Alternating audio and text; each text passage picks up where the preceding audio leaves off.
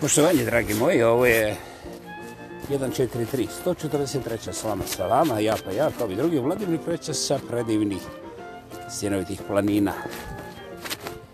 Imamo bezbroj tema koje nećemo nikad dotaknuti. I to je, ja ne bih rekao nažalost, ja ne bih pomislio na radost. Ja bih pomislio imali ljepše informacije koju možemo učiniti u svome srcu onako zazvoniti i kazati Bože moj, kako se veličanstven, bez obzira koliko i šta mi učinili prostora za novu generaciju, za nove ljude, je uvijek sve više i više zanimljivo. Oni koji, mjeri, on, oni koji mjere život sa novcama i ovcama, njima je smokog dana sve manje i manje, jer taj novac ima karakteristiku da stvarno izgleda ograničen, jer kako, jer kako god okreneš, uvijek se iza nas nađe neki drugi, takozvani uspješni, koji zna da iscijedi iz nas. Čak i onoliko koliko mi nismo vjerovali da možemo izreći, a eto, oni sa lakoćom iscijede iz nas. Znači, te, moram ih nazvati parazitske uspješnosti, nisu moje specijalnosti, ne zbog toga što sam ja moralo lijevo ili desno od toga, ni slučajno. To mjerilo obično je ne samo varljivo, nego je nesvarljivo i zdravstveno nepreporučljivo, jer čim počnete taj dijalog izgubili ste, da da ponovit ću, čim počnete taj dijalog izgubili ste i ako ste izgubili čim ste počeli, onda ste vrlo vjerovatno promošili i šefa i stanicu, a ja garantiram da se vlakom ne vozite. Kako idete negdje? Hehehehe. E, recimo, za sada da bi bilo priča kraća, na neku inerciju sa nečim, ali kako, šta, koliko, dokada i pod čijem je to kontrolom. Bože moj, ima jedna priča o ruskom ruletu i to je dovoljno da pomenem u ovom momentu. Nećemo dalje oko toga. Eto. Dakle, prostora ima za sve i taj prostor, kao što kažu, ne samo mudri i pametni, već bilo koji koji okrenu pogled gore. Dakle, dobro. Dobro. E, dakle, ta sitnica se svodi na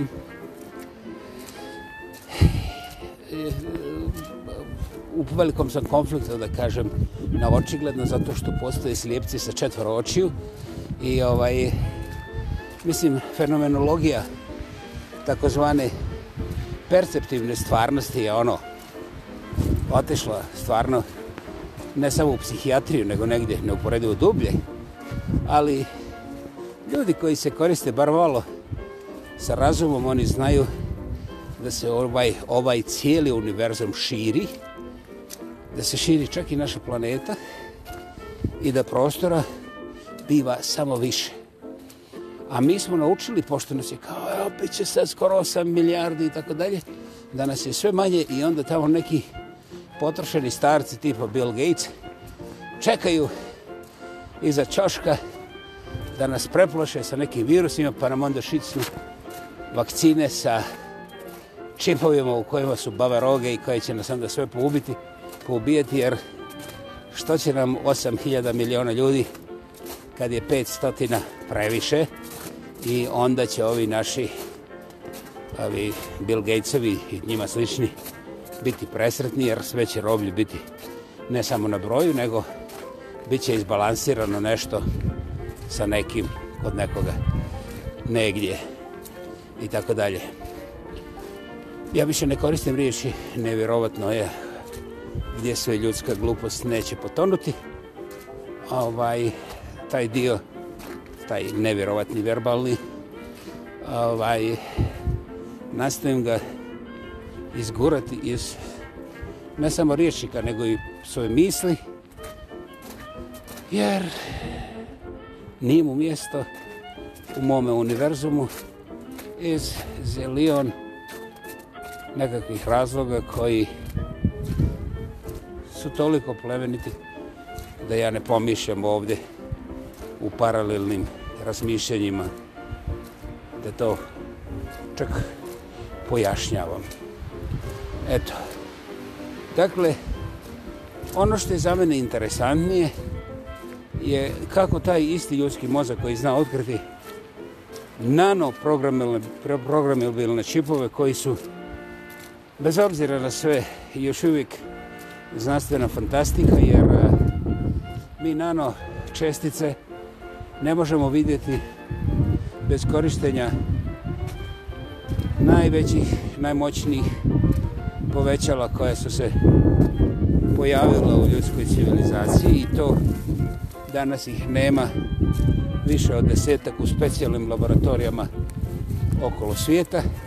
Naravno, neko od ovih siromašnih, polusiromašnih i tome slično ali eto, bez obzira što mi ne vidjeli, mi znamo da je tu programibilni dio toga čipa koji onda radi čuda, kako mu kaže Bill Gates i ti njegovi jarani. To nije fascinantno, ali nažalost to nije ni glupo, jer za razliku od nekih drugih teorije zavere, ovo je onako ne samo šuplja, nego mentalno promašena i monumentalno uspješna i pod, popunjava sliku o takozvanom modernom čovjeku koji, mislim, ne treba Hansa Christiana Andersona da bi fantazirao na način koji ono, šokira, nogira, eliminira, bez daljnjega. Ovaj, zašto? Pa evo, recimo, samo jednu sitnicu. Ja i dalje ne mislim da sam bilo koga ubijedio za ovo o programiranim nanočipovima. To je milijarditi dio jednoga milimetra. Milijarditi. Samo malo za razmišljanje. Pa onda ćete znati zašto nemamo niti desetak tih uvećala koja mogu zapravo da prate šta se tu dešava. Uvećala na tim dimenzijama. Ali kad odete u samoposlugu možete da pratite sve. Najveći dio je napisan, naime one deklaracije o hrani, gdje je proizvedena, ko je proizveo, aha, ima još. Onda ima ono ingredients. I tamo pišu nevjerovatne stvari. Ono, crno-bijelo, pa čak i u bojama. I Ja kad odem u samoposluga, odem u neke velike samoposluge, ovaj, u kojima se nalazi ono masa ljudi, nisam brojio, nisam zadužen za to. Međutim, ako je moj prijatelj Božić otišao u kinu sa svojim suprugom, ja njega nikad ne bih pitao da li si vidio bar milijardu kineza, jer on se popeo na taj kineski zid. Mislim, Znate, mogu ga pitati dosta pitanja, ali da postavim tako umno pitanje, mislim, Eto, ali upravo to je to tako, tako zvani moderni čovjek, on postaje to pitanje. Tako kad ja odem u svom poslugu, ja vidim dosta ljudi, pojma nemam da li su 222 dvojica, izaberite neki broj koji vam se sviđa. Ja doista nisam broj ljude po svom poslugama. Ja samo znam da sam prije neki dan vidio nulu za Superstore. Kaže store limit. E, skoro 300 mušterija. I na vratima stoji, stoji dva derana zapravo. Imaju prva vrata i druga vrata. I ovaj, imaju onaj svoj kliker. Iako je dole automatski ovaj brojač znaš, ona je sa svjetlošću, prekida svaki, svaki ulaz sa lijeve i desne strane i onda plus imaju kamere i ta dva čovjeka. Dakle, oni baš vode računa da im u dućanu ne bude 300 ljudi, nego šta ja znam, 287.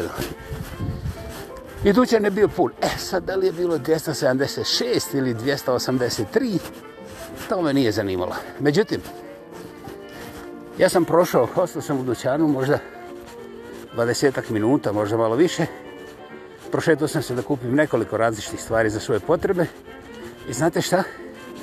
Nisam vidio jednog jedinog čoveka, ženu, dijete, curu, starca, invalida, marsovca, pa onda redom izvolite ko bi još mogo doći u dućan, da je uzeo neki proizvod, bilo koji, i da je pročito, recimo, koliki je sadržaj soli ili, ne do bog, nekog drugog artikla što ja znam, recimo šećera, ili recimo da li ima nešto treće još.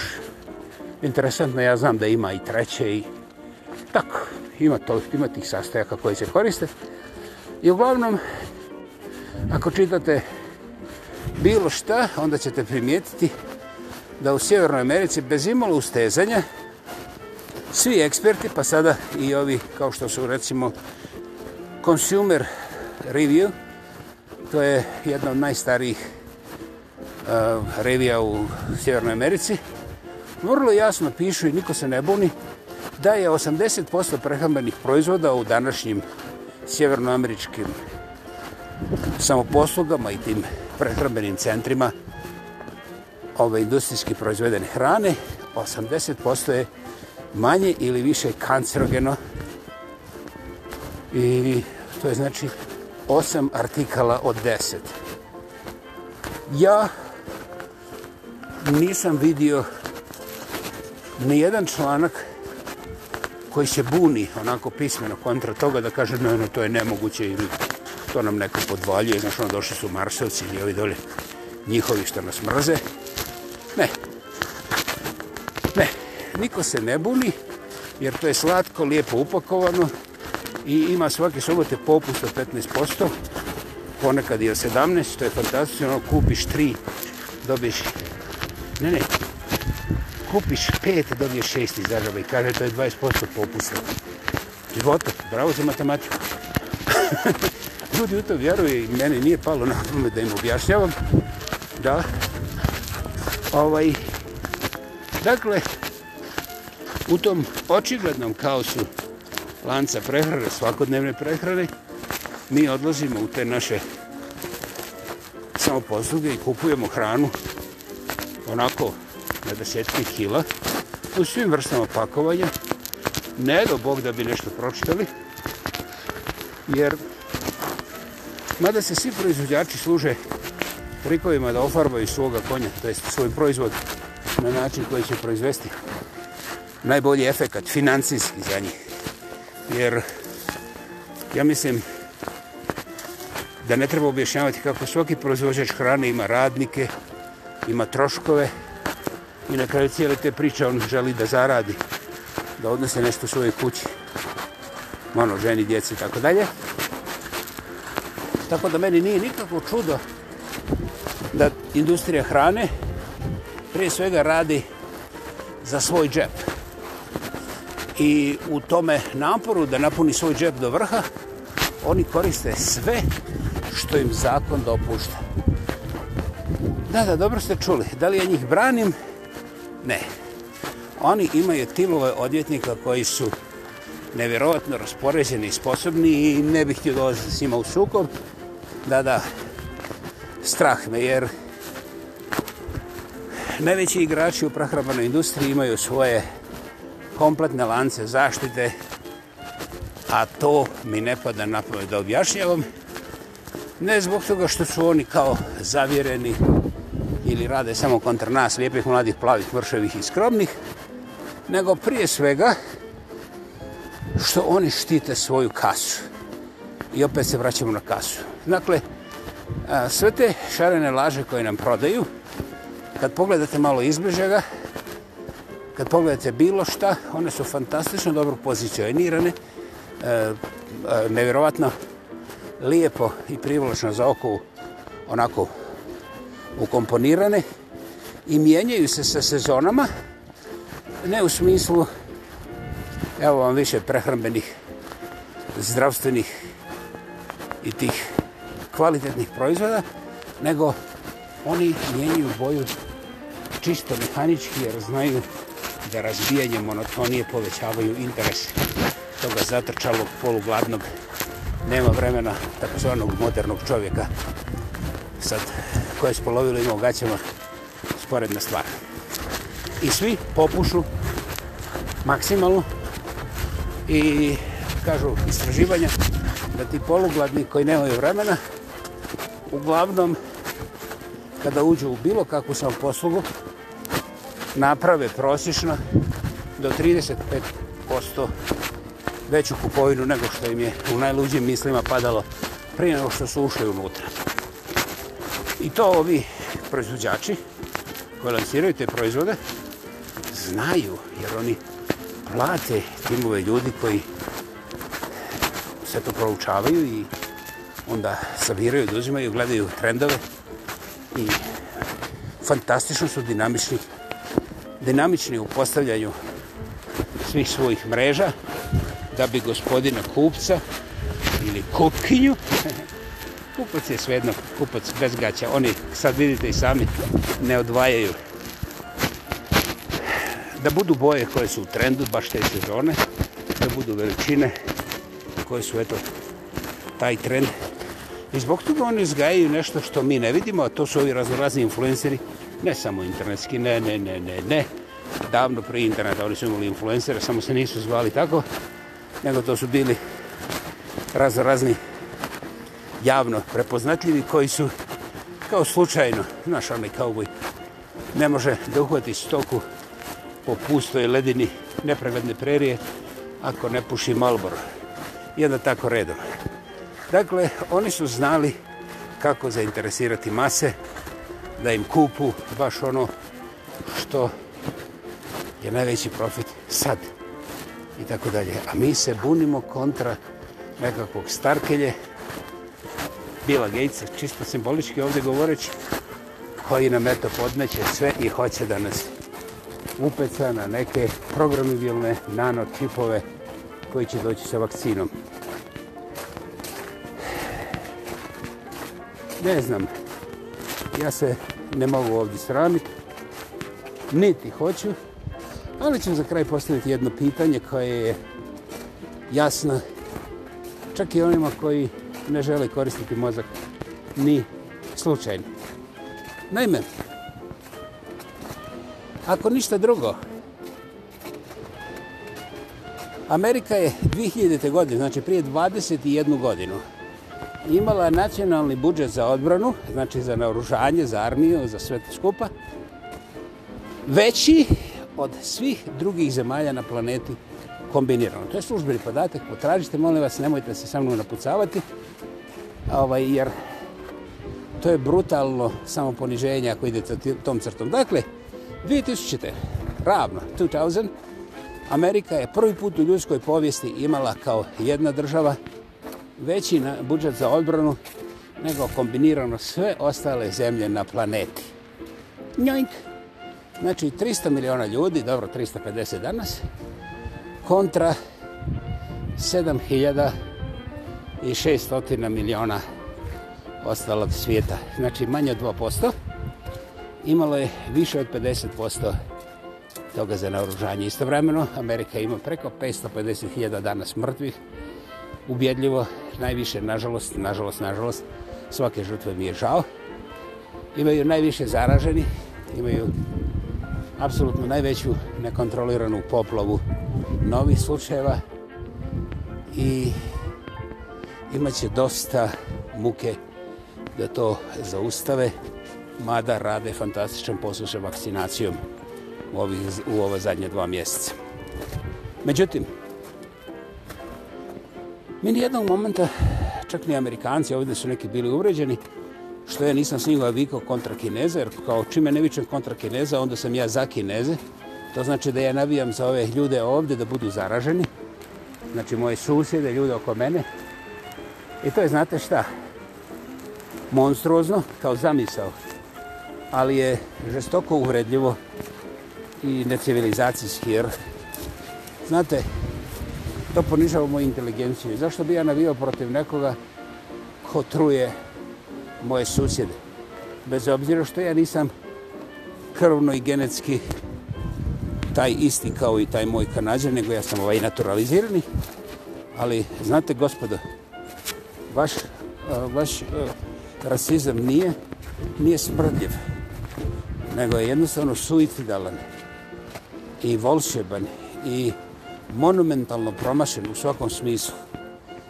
Jer, koje pitanje sam ja postavio, ja kažem, dobro, kinezi su krivi, kinezi su glupi, kinezi su komunisti i sad redom nabraje šta god hoćeš. Međutim, mene zanima gdje su milijarde dolara koje smo mi uložili u našu odbranu.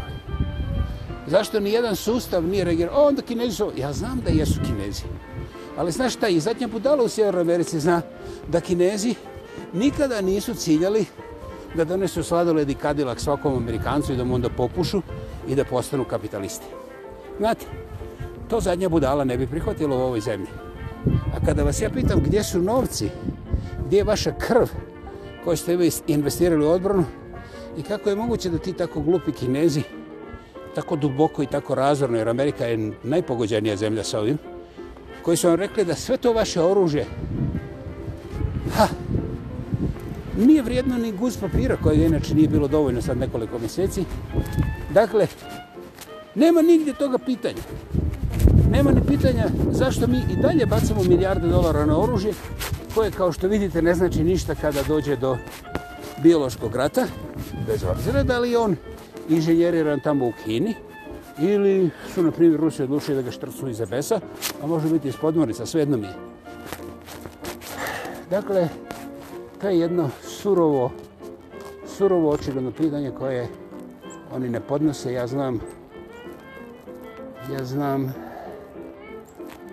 da ja trebam šutiti da mi neko ne razbije glavu, jer ljudi vide samo ono što hoće vidjeti, a to ne znači da su s time zaštićeni naprotiv. I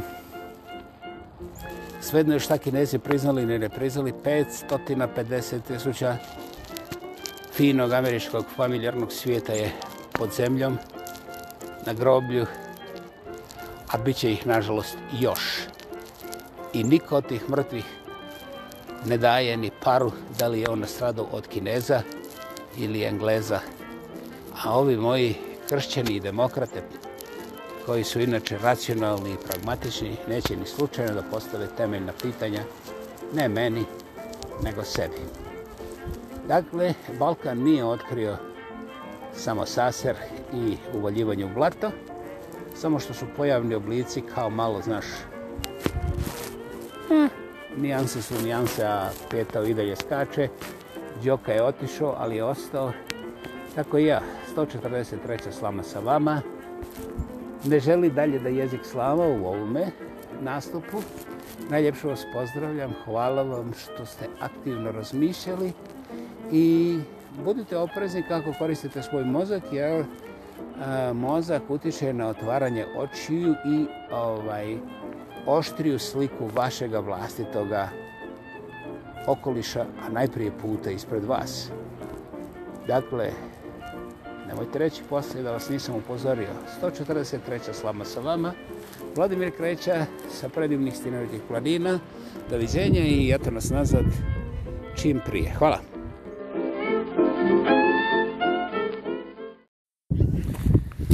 144. 144. slama sa vama. Samoproglašeni lingvistički aktivista, monumentalno autentični, ja pa ja kobe drugi Vladimir Kreća sa predivnih stenovitih planina.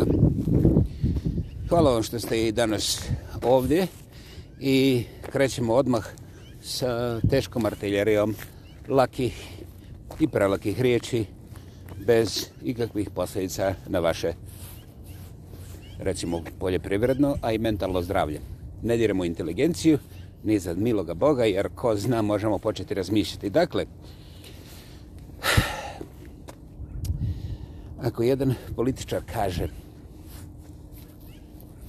naš ono u predizbornoj bitki mi ovo, mi ono ovaj... i onda neko vikne iz publike pa vi ste obećali a niste uradili 20. Onda taj lijepi političar njemu kaže pogledajte na naše plakate.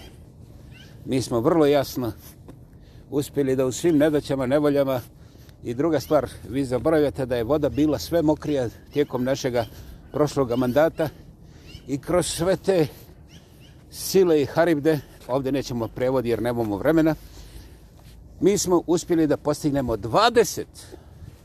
I to je 20 takav uspjeh o kome mi još uvijek ne možemo govoriti na pravi način jer to je veličanstven uspjeh.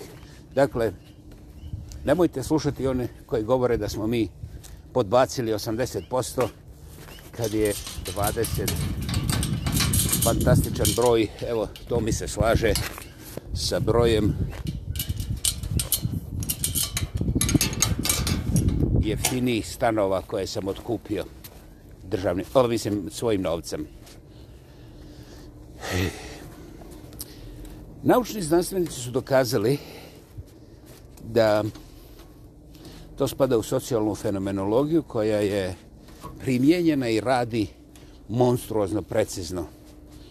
Da ukoliko u tim predizbornim kampanjama, a naravno i onda blebetanjima po televiziji oko lijevo-desno, ukoliko polazite od makako besmislenog, ali pozitivnog broja, vi imate dvostruko i trostruko veće šanse nego vaš oponent koji je u cijeloj priči najčešće neuporedivo kvalitetniji. Dakle, ukoliko hoćete biti pošteni, pa reći, mi nismo uspjeli da ostvarimo 8% od našeg obećanja, ali barem je 90% dobro, vi ste se već sahranili. Da, da, dobro ste me čuli. Dobro ste me čuli. Dobro ste me čuli. To je imeli, imeni razbijelo glavu. Ali, gospodo moja, uzmite predizborno obećanja, bilo gdje imate, živite po raznim državama, pa pogledajte. To svaki nepismeni političarčić zna i on to prepuste ovima koji te kampanje i ta ostala trkeljanja za javnost šalju po televiziju, radio, internetu i tako dalje. I to je taj pristup. Znači, cijela priča. Naravno, da tu ima još nijansi, kad nije bilo, molim ti lijepo, ali suština srži i same esencije. Ujebote, triple pleonazam. Ajme, bolji sam od Milke Babović. Dakle, tercera. Evo vam još jedna unakrsno križna stvar među prvih 100 bogatijih Amerikanaca, oni to vrlo precizno znaju, provjerite to na Google, nemojte da kakite o detaljima, molim vas lijepo jer to je promašaj, ne svi, ja znam, tu imam nekoliko tih koji su zalijepjeni na super specijalne detalje, to su promašene osobe, ja to znam, ali moram ih upozoriti da ću primjenjivati sredstva zabrane posjećivanja moga, svih mojih pisanih i govornih materijala, jer ta gospoda zajebavaju sve nas druge kojima nije stalo da li je precizno 100 ili 101 ili možda čak 117. Zato što, eh, recimo, na primjer, ja nisam ni bog, ni stručna laboratorija, tako da garantiranje u apsolutnom iznosu ne postoji, nikad nije postojalo. I ako vi znate nešto bolje, pa ljudi, napravite sebi bolji život, zašto maltretirate mene?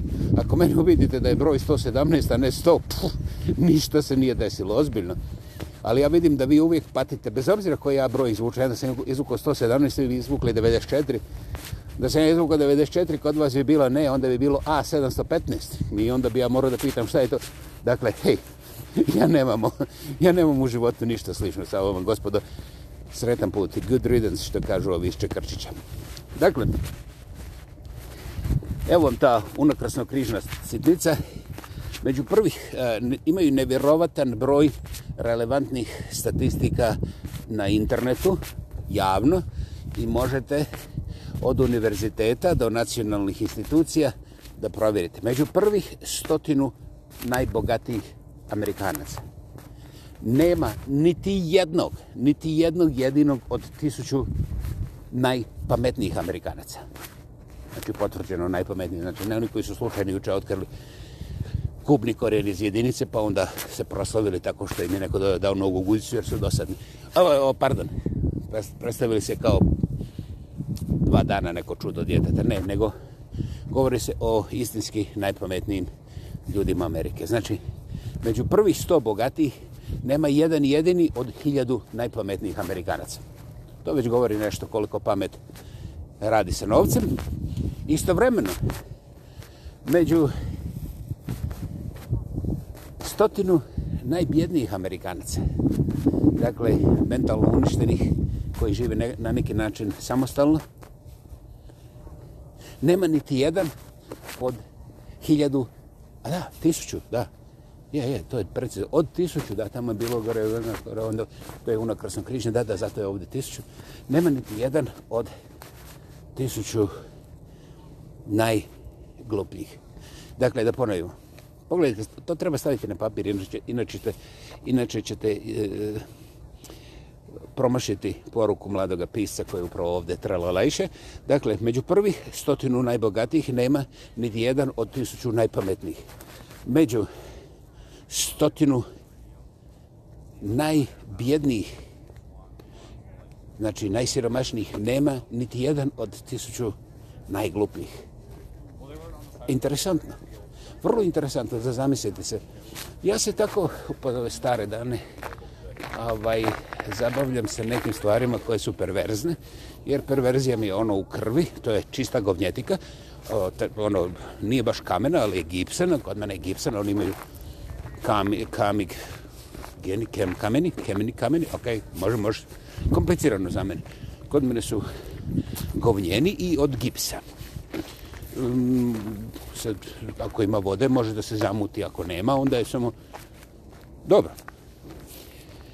I onda, u toj mojej perverziji, ja uživam sa nevjerovatnim stvarima koje kvantna fizika čini i koje nama svima prolaze ispod nosa i koje su uvijek tu prisutne, ali eto, ne znam, ne znam kad ste zadnji put pomislili da izmirite težinu sjenke. Ja, ja, dobro ste čuli. I zašto težina sjenke ima relevantnost u bilo čemu? Da, zanimljivo. Ako ništa drugo, koga to zanima? Gospod, ostavljam vam da razmišljate ako hoćete, nije promašeno. I kvanta fizika je potrošila u tim procesima istraživanja za neke stvari, recimo, ako promijeniš kut gledanja, onda se promijeni i to na šta gledaš.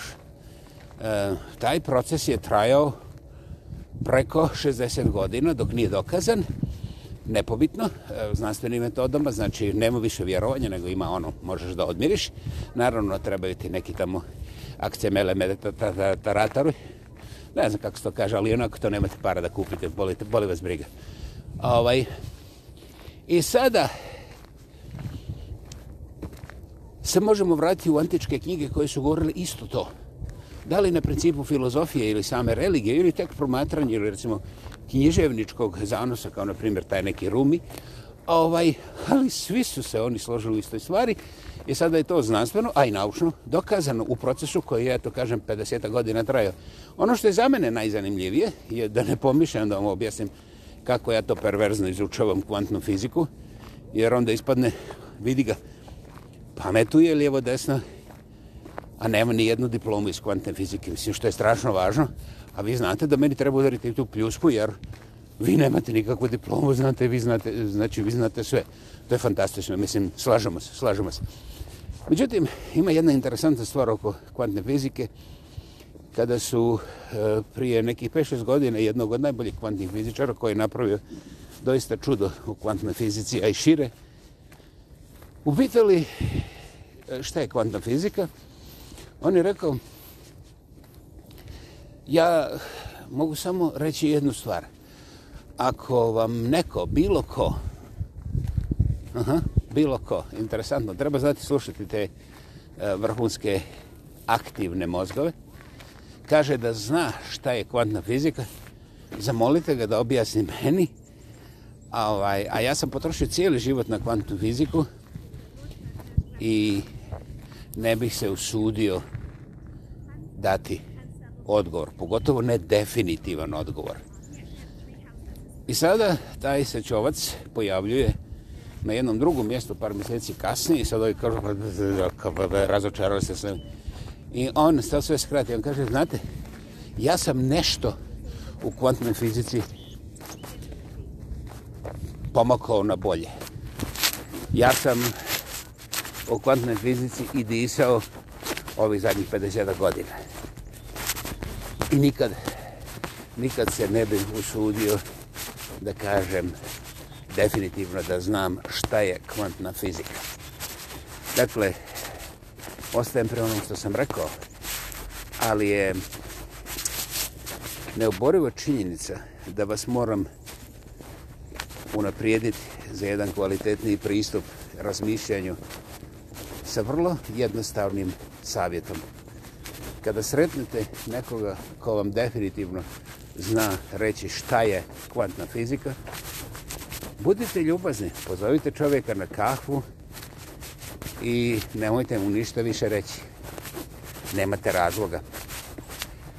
Dakle, e, ja sam dugo vremena to proučavao i mislim, hej, Bože moj, ako svi šutimo, šta će se desiti?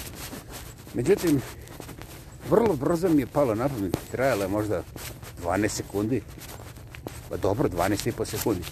Ja primitim da ja brkoljem, da ne mogu sam sebe slušati koliko ja ubacim tih riječi. Dakle, eto meni problema sa kvantnom fizikom, a onda primitim oko mene, čovječe ljudi prdaju ono, mislim, pogledajte oko sebe, pogledajte oko sebe pogledajte oko sebe. Ljudi, ljudi ne šute, ljudi uglavnom znaju sve o svemu i o svemu pričaju nevjerovatne stvari i nevjerovatne količine ovih riječi do besvijesti. Do besvijesti. Dakle, ja to nisam skužio odmah, ali nakon nekih 63,5 godine ovaj, jednostavno mi se ukazalo da ovaj čovjek ne želi ponavljati nešto, pa čak i pametno, tako besmisleni broj puta, jer će to potpuno ispariti i donit će puno više zla nego dobra. A oni koji žele to čuti, znači koji će biti konektirani, povezani sa tim riječima i dopustiti tim riječima da uđu u njihov misalni aparat i spoznajni proces, Njima ne treba više riječi. Sve što je bitno je rečeno i to vrlo precisno. Bum! Uh, sad ispane da ja vama nešto propovjedam iz pameti. Ne do Boga. Ali, ne zaboravite, ako promijenite kut gledanja, ako promijenite mjesto sa koje gledate na jednu te istu stvar, ta stvar se mijenja. I ovo je opet ponavljam, kvantna fizika dokazala jednom vrlo, vrlo dugom, napornom i skupom procesu koji je trajao 50 godina. Ovaj, a sve je to pisalo u vjerskim knjigama, e, povijesnim knjigama, filozofskim traktatima, antičkim najprije. Tako da, sad da se pitate zašto je neko potrošio milione ili zilione nekakvih novaca da to potvrdi, pa oni nisu tražili da to potvrde, oni su radili znanstveno istraživanje šta se dešava u tim malim, znaš, onim sitnim, sitnim, sitnim koji se ne vide, znaš, i onda moraš da napraviš 100 km rupe ispod neke planine u nekom najtvrđem kamenu, pa onda pucaš te elementove na veliku brzinu i onda snimaš kojom se brzinom kreću I mislim sve je to glupo, ja znam da je to sve glupo, razumiješ, ali eto, oni su otkrili da u tim sitnim elementima u stvari počiva jedan veliki dio priče zašto se mi krećemo, nalazimo ovdje i zašto. Naprimjer, ako baciš kamen na prozor tvoga susjeda, onda on tebi baci bokser ravno u facu ili u oko. Ovo, ovaj, to, mislim, to kvantna fizika nije baš, ovaj, mislim, detaljno gledala kod tvoga susjeda, ali su to uočili i ovaj ako mi ne vjerujete, pokušajte, evo, pogledajte na prozor svoga susjeda, posebno kada on gleda, i uzmete lepo kamenčinu i razbijete mu prozor i onda proverite da li će susjed da vam donese šampite, na primjer, i kafu, ili će vam doći razbiti vam trič, mislim, ovaj organ za brbljenje, kao što je, na primjer, moj, ili nešto iznad toga organa. Dakle, Mislim, čista demokracija, sloboda. Iako nisu jasne tajne kvantne fizike, samo kamen prozor i prozor mora pasti, mislim, a nije komunistički, majke mi, tekine, mislim, definitivno. I šta se ne danas ti reći na svom ovome? Dakle, gotovo Einstein, sve je relativno. Ništa nije apsolutno. Hmm. Tu, bi, tu bi se dalo, ali nećemo o tome. Dovoljno je da pokušate razmišljati. Šta znači apsolutno? E, da li je apsolutno izjednačeno sa konačnim ili možda idealnim? To su vrlo zanimljive mogućnosti, ali ne završava se priča tu. I ja ću sada skrenuti na nešto vrlo praktičko. Ni slučajno na feminizam, ali ću vas pitati, pošto i sam vozim, he, nažalost moram voziti po gradu, ja bi neće vozio najbolje, ne ni po selu, nego po preri, gdje nema nikoga, mislim, ono, tu sam najbolji. Dakle, kao ženski vozači su ovakvi i onakvi, onda ima neki drugi vozači o kojima nećemo govoriti danas, ali i sad, nagradno pitanje, 734 pokušaja imate pravo, ovaj, da mi kažete, 700, 774 pokušaja, dobro da ne budem škrt, evo, 775 pokušaja, evo, da, ima, da imate, da možete da se zalite. Znači, 775 pokušaja, ja vas zamoljava da mi onako razmislite pa mi ozbiljno kažete kakva je razlika kad ti se u auto zaleti drugo auto i razbijeti oba bočna vrata i jednostavno kasnije kad te ovi pregledaju onda vide da je onaj, znaš, da je auto uvrnu, da lijevo desno, da, da da je glupo popravljati, jer ne samo da je preskupo, nego neće nikad biti kao ovaj, što je bilo novo. Dakle, ne zanimaju me prometni propisi, gospoda. Imate 775 pokušaja. Ja sam rekao, kakva je razlika ako je to meni uradio moj sin koji je tek počeo da vozi um, ili recimo neka raketla, što je bilo doista seksi, jer sam se krehne me raketla, a ja preživio i još se želim da moram platiti takvu štetu. To bi bilo fenomenalno, mislim, ja tu ne bih plakao. Ovaj, ili neka ženska. Kakva je razlika? Ili, znaš, ali sad kad dođe ženska, onda gledaš da li je neka debela ovako, jednu 157 godina stara i 342 kilo teška, ili je neka ovako, kako bi rekli, uh, tjelesno napredna, recimo tako, ono što bi se reklo, Kokićova koka od 35 komada, mislim, tih godova, jeli? Ne moraš da je presjeć, vjeruj mi da je riječ. Ovaj, dakle, kakva je razlika? A ti znaš da ono ne vozi kako Bog zapovjeda, pa da je ono pogrešilo, pa da... Mislim, ostavi policiji nešto za posao. Mislim, inače, ljudi će se osjećati tužno, nesrasno i nezaposleno. E sad relevantne priče za 735 pokušaja, sad sam vam smanjio jer ste već promošili. Ovaj, su šuplje. E, evo vam ponovo, sada ćete pokušati iz 420 pokušaja da mi date odgovor. Recimo, vi prelazite ulicu, znači vi uopće ne vozite. Evo, sad se niš nešto pobljao sa lošim vozačima. Prelazite ulicu, bang, dvije tone ulicu brzini od samo 36 km na sat, opandrča vas i vi se provodite u bolnici. Sada, kakva je razlika za vaš oporovak ili neoporovak ili za bolove ili za slovljene kosti? Kakva je razlika ako vas vidio crnac, bijelac, u majkom i opet ta ženska neka? Da li je sad važno koliko ona imala kila ili koliko je imala godina? Šta je, šta je tu najvažnije? ili će možda biti najvažnije da je lim i u prvom slučaju bez obzira na nacije, generacije i spolove, šta god imaš u gaćima, to je tvoje, drži, vrate, drži, drži, da se ne sproži. Ovaj, gvožđe, nesreća u ovom prvom slučaju. I to skupa nesreća. Dakle, u ovom drugom slučaju, kad ste završili u bolnici, vi morate da se sjetite Jeste vi to pretrčavali na crveno svjetlo? To bi bilo dobro da prvo to račiznite. A šta je bilo u gaćama ovoga vozača čije vozilo je jednostavno nije moglo izbjeći da vas ne čukne, pa ste onda pali i glavom udarili u nekakvu bezveznu betonsku ivicu. A ovaj, to ne da je sporedno, nego je morbidno bezobrazna vaša srž neljudskoga da razmišljate da li je vozač bio muški ili ženski. Ja sam potroštio 65 godina razmišljajući o tome i ovaj, ja sam bio veliki, veliki, veliki, veliki, veliki muško, muško, muško svinjesti šovinista.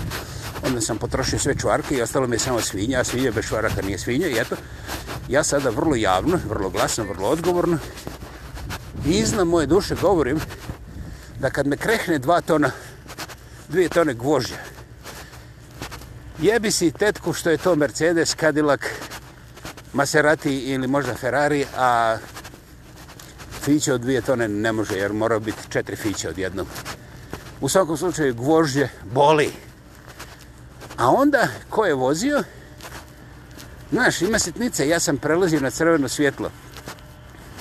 Dakle, taj vozač je opet irelevantan, a šta ima u gaćama, nije irelevantno samo za manijake, bolesnike, psihopate i ove, kako se zovu, perverzne kretenoide tih primitivnih profila koji jebe me se da li je žalost ili nije žalost, ali jest činjenica još uvijek vrlo glasno grakću oko nas i čak utiču na političare kada se dotaknu tih prometnih pravila, pa onda sudske prakse i osiguranja.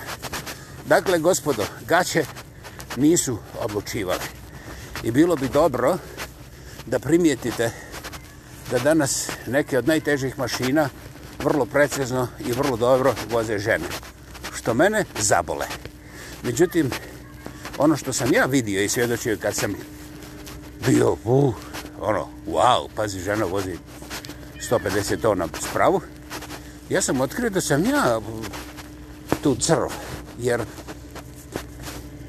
ja ne gledam da ti 150 tona može da napravi nevjerovatnu štetu, kao, kao jedna ozbiljna bomba. I onda čovjek treba da gleda da li je onaj čovjek koji je gore za tim kontrolnim pultom, da li on ništa kontroliše ili on nepismen, nesposoban, netreniran pa će napraviti tu nesreću koja samo čeka vrijeme.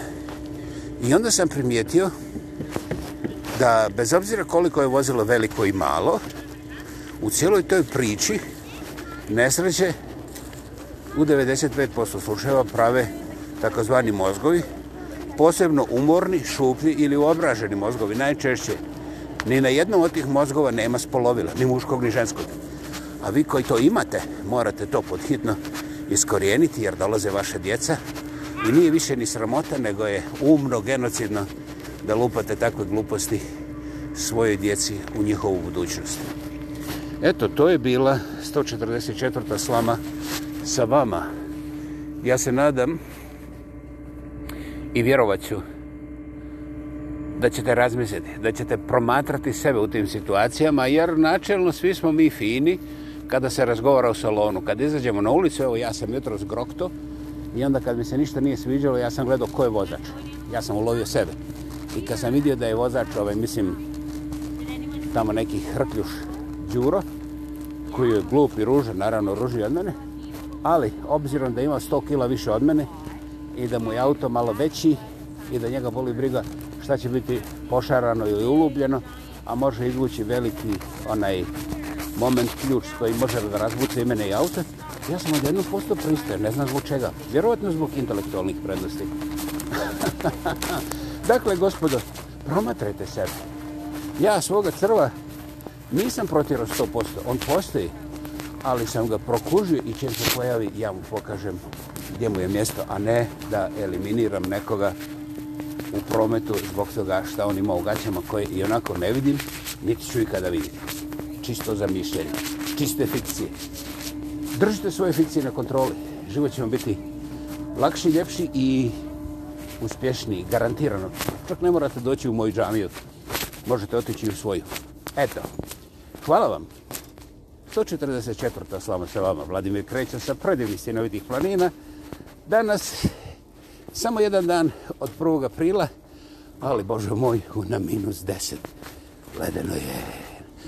Nekaj god vas toplo, sve dobro. Hvala, živi zdravi bili i čujemo se vrlo brzo ponovo.